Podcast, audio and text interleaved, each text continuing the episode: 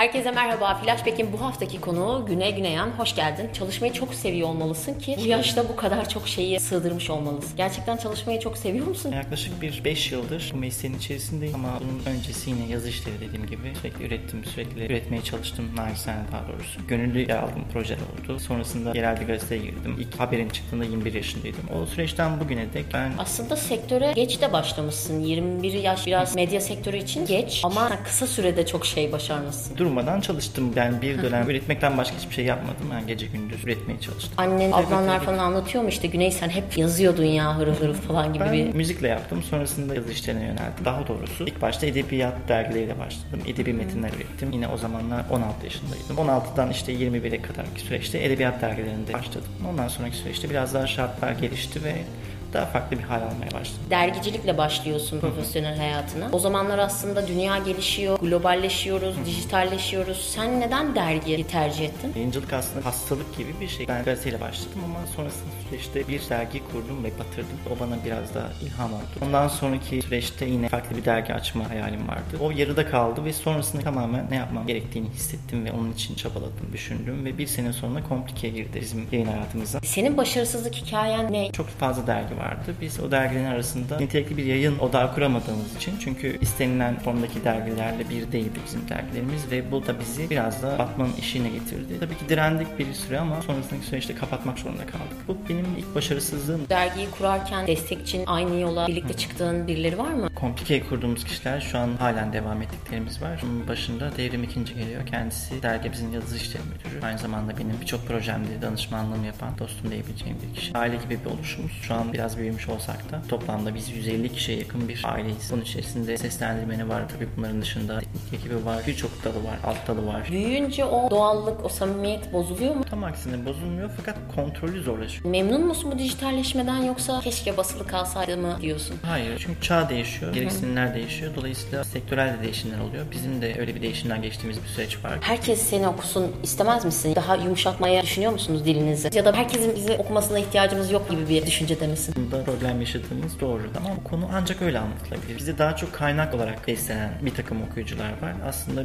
bizdeki makaleler biraz da araştırma öğesi içerdiği için diğer okuyucu kitlesince biraz daha kaynak baz alınarak okuma yapılan türde metinler. Bunlar genelde işte yüksek lisans veya lisansüstü öğrencilere yönelik. Dergi nasıl ayakta duruyor? İlk günden bugüne de ben ve bir takım yakın arkadaşlarımız yani kurucu ekibimiz onu finanse etmeye çalışıyoruz. Onu Reklam finanse alıyor ediyor. musunuz? Genel politikamızı biraz aşındırdığı için bundan uzaklaşmaya çalıştık. Çünkü biz okuyucuya farklı bir okuma deneyimi sunmaya çalışıyoruz. O yüzden reklamları minimize ettik. Sadece dijital versiyonumuzda, PDF versiyonumuzda kategori geçişlerinde sadece orada reklamlarımız var. Onun dışında size de gönüllü olarak barter usulü reklam çalışmaları yapıyoruz. Onun dışında mali bir açıdan desteğimiz yok. Senin için ne ifade ediyor komplike? Bu dergi benim için bir kız çocuğu gibi. Bu benim büyümesine şahit olduğum, büyümesine emek verdiğim, her an onu düşündüğüm bir uğraş. Uğraştan öte başka bir boyut erdik. Ben onun büyümesine şahit oluyorum ve bundan mutluluk duyuyorum. Onun gelişimi beni heyecanlandırsa da aynı zamanda endişelendiriyor. Kız babalarının hissettiği bir şey olsa gerek. Çocuğum olmasa da onu öyle hissediyorum ve öyle benimsemiş durumdayım. Kopya çekeceğim bir saniye.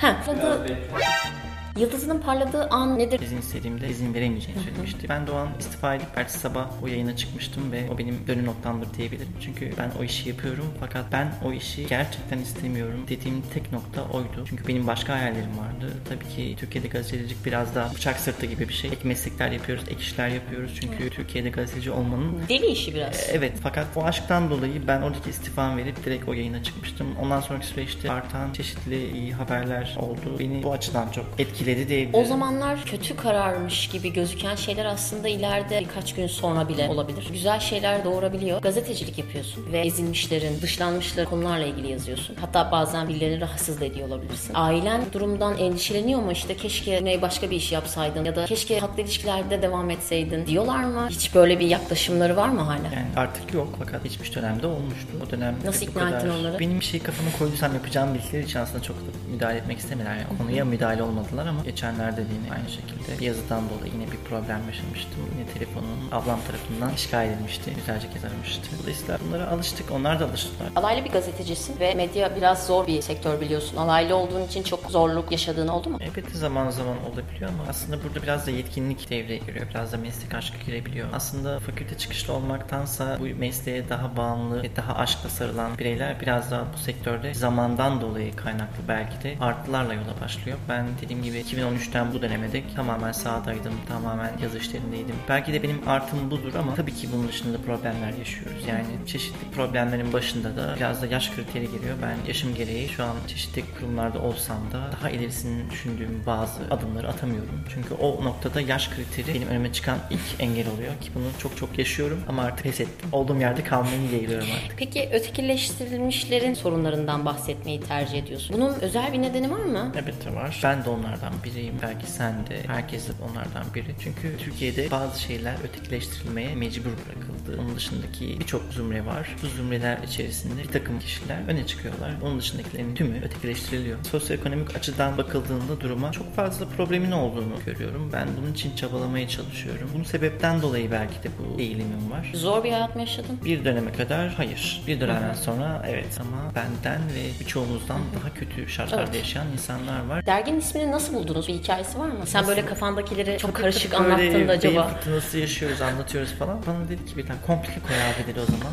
Ben kaldım birkaç saniye duraksadım. Tamam dedim evet bu nasıl dedi. Tamam mı dedi deyince evet dedim yani derginin ismi. Çünkü karmaşık bir şey Evet, düşünüyorum. evet. Yani yapılması zor bir şey düşünüyorum. Dolayısıyla bu isim tam oldu falan değil. O ismi koymuştuk. İsim babasının ben olmadığım için ilk defa mutlu olduğum bir an bu. Harika olmuş Güzel gerçekten çok güzel. için. Onların İlk yazar- başarılarını duyduğunda ne Evet, hissediyorsun? Çok çok mutlu olduğum anlar var. Örneğin bugün bizde başlayan bir yazar doktorasını teslim etti ve doktor ünvanıyla şu an bizim dergimizde yazıyor. İki senelik bir süreçte buna şahit olmak benim için kıvanç kaynağı. Şu kişi bizde çalışmıştı. işte bu ilk defa bizimle yazmıştı. Bu çok hoş bir şey. Geçmişte yaşadığımız problemlerin onların da yaşamamasını istememiz ve aynı bizim yolumuza onları da ortak etmemizle alakalı bir şey. İnsanlar komplikeyi niye takip etsinler? Yeterince dünyanın karışık ve karmaşık olduğunu düşünüyoruz. Bizim gibi düşünen insanların da var olduğunu biliyoruz. Bu yüzden komplikeyi ben önerebilirim. Yeterince Biz- karışıklarsa gelsinler. Belki birbirimize yardımcı olabiliriz gibi düşünüyorum. Kadınlara ve kadınların yarattığı dünyaya saygım var ve umarım bir gün tüm dünya kadınlar tarafından yönetilir. Ne Şu kadar an sürdü kitabı yazmak? kitabın projesinin tamamlanması bir seneyi aşkın bir süreçte tamamlandı. Tabii ki 69 sayfalık bir kitap ne kadar böyle uzun sürebilir ki diye düşünebiliriz. Ben de böyle düşünüyordum. Ama içerisine girince yani şey var. Yazılımsal süreci biraz uzun. Çünkü araştırma gerektirdiği için külfetli bir yanı da var. Ben bunun için yüzlerce kişi olmasa da bir 50 kişiyle görüştüm. Yoksul mahalleleri ziyaret ettim. Çeşitli demografik yapılardaki ve sosyoekonomik kültürdeki insanlarla görüştüm. Temel bulgular aslında biraz daha sorunun içselleştirilmediği, problemlerin çok da problem sayılmadığıyla alakalı. Umarım burada bir şeylere değinmişimdir, değinebilmişimdir. Neden yoksulluk peki? Temel problemlerimizin kaynağı bu. Yani birçok insan yoksul olduğu için hırsızlık yapıyor. Yoksul olduğu için çeşitli problemler yaşıyorlar. Sıkıcı resmi bir yapım var. Ne derler? Onurlu Dur. kes. Flashback'in bu haftaki konuğu Güney Güneyan'dı. Kendisiyle çok samimi bir sohbet gerçekleştirdik. Bir dahaki bölümde görüşmek üzere. Hoşçakalın.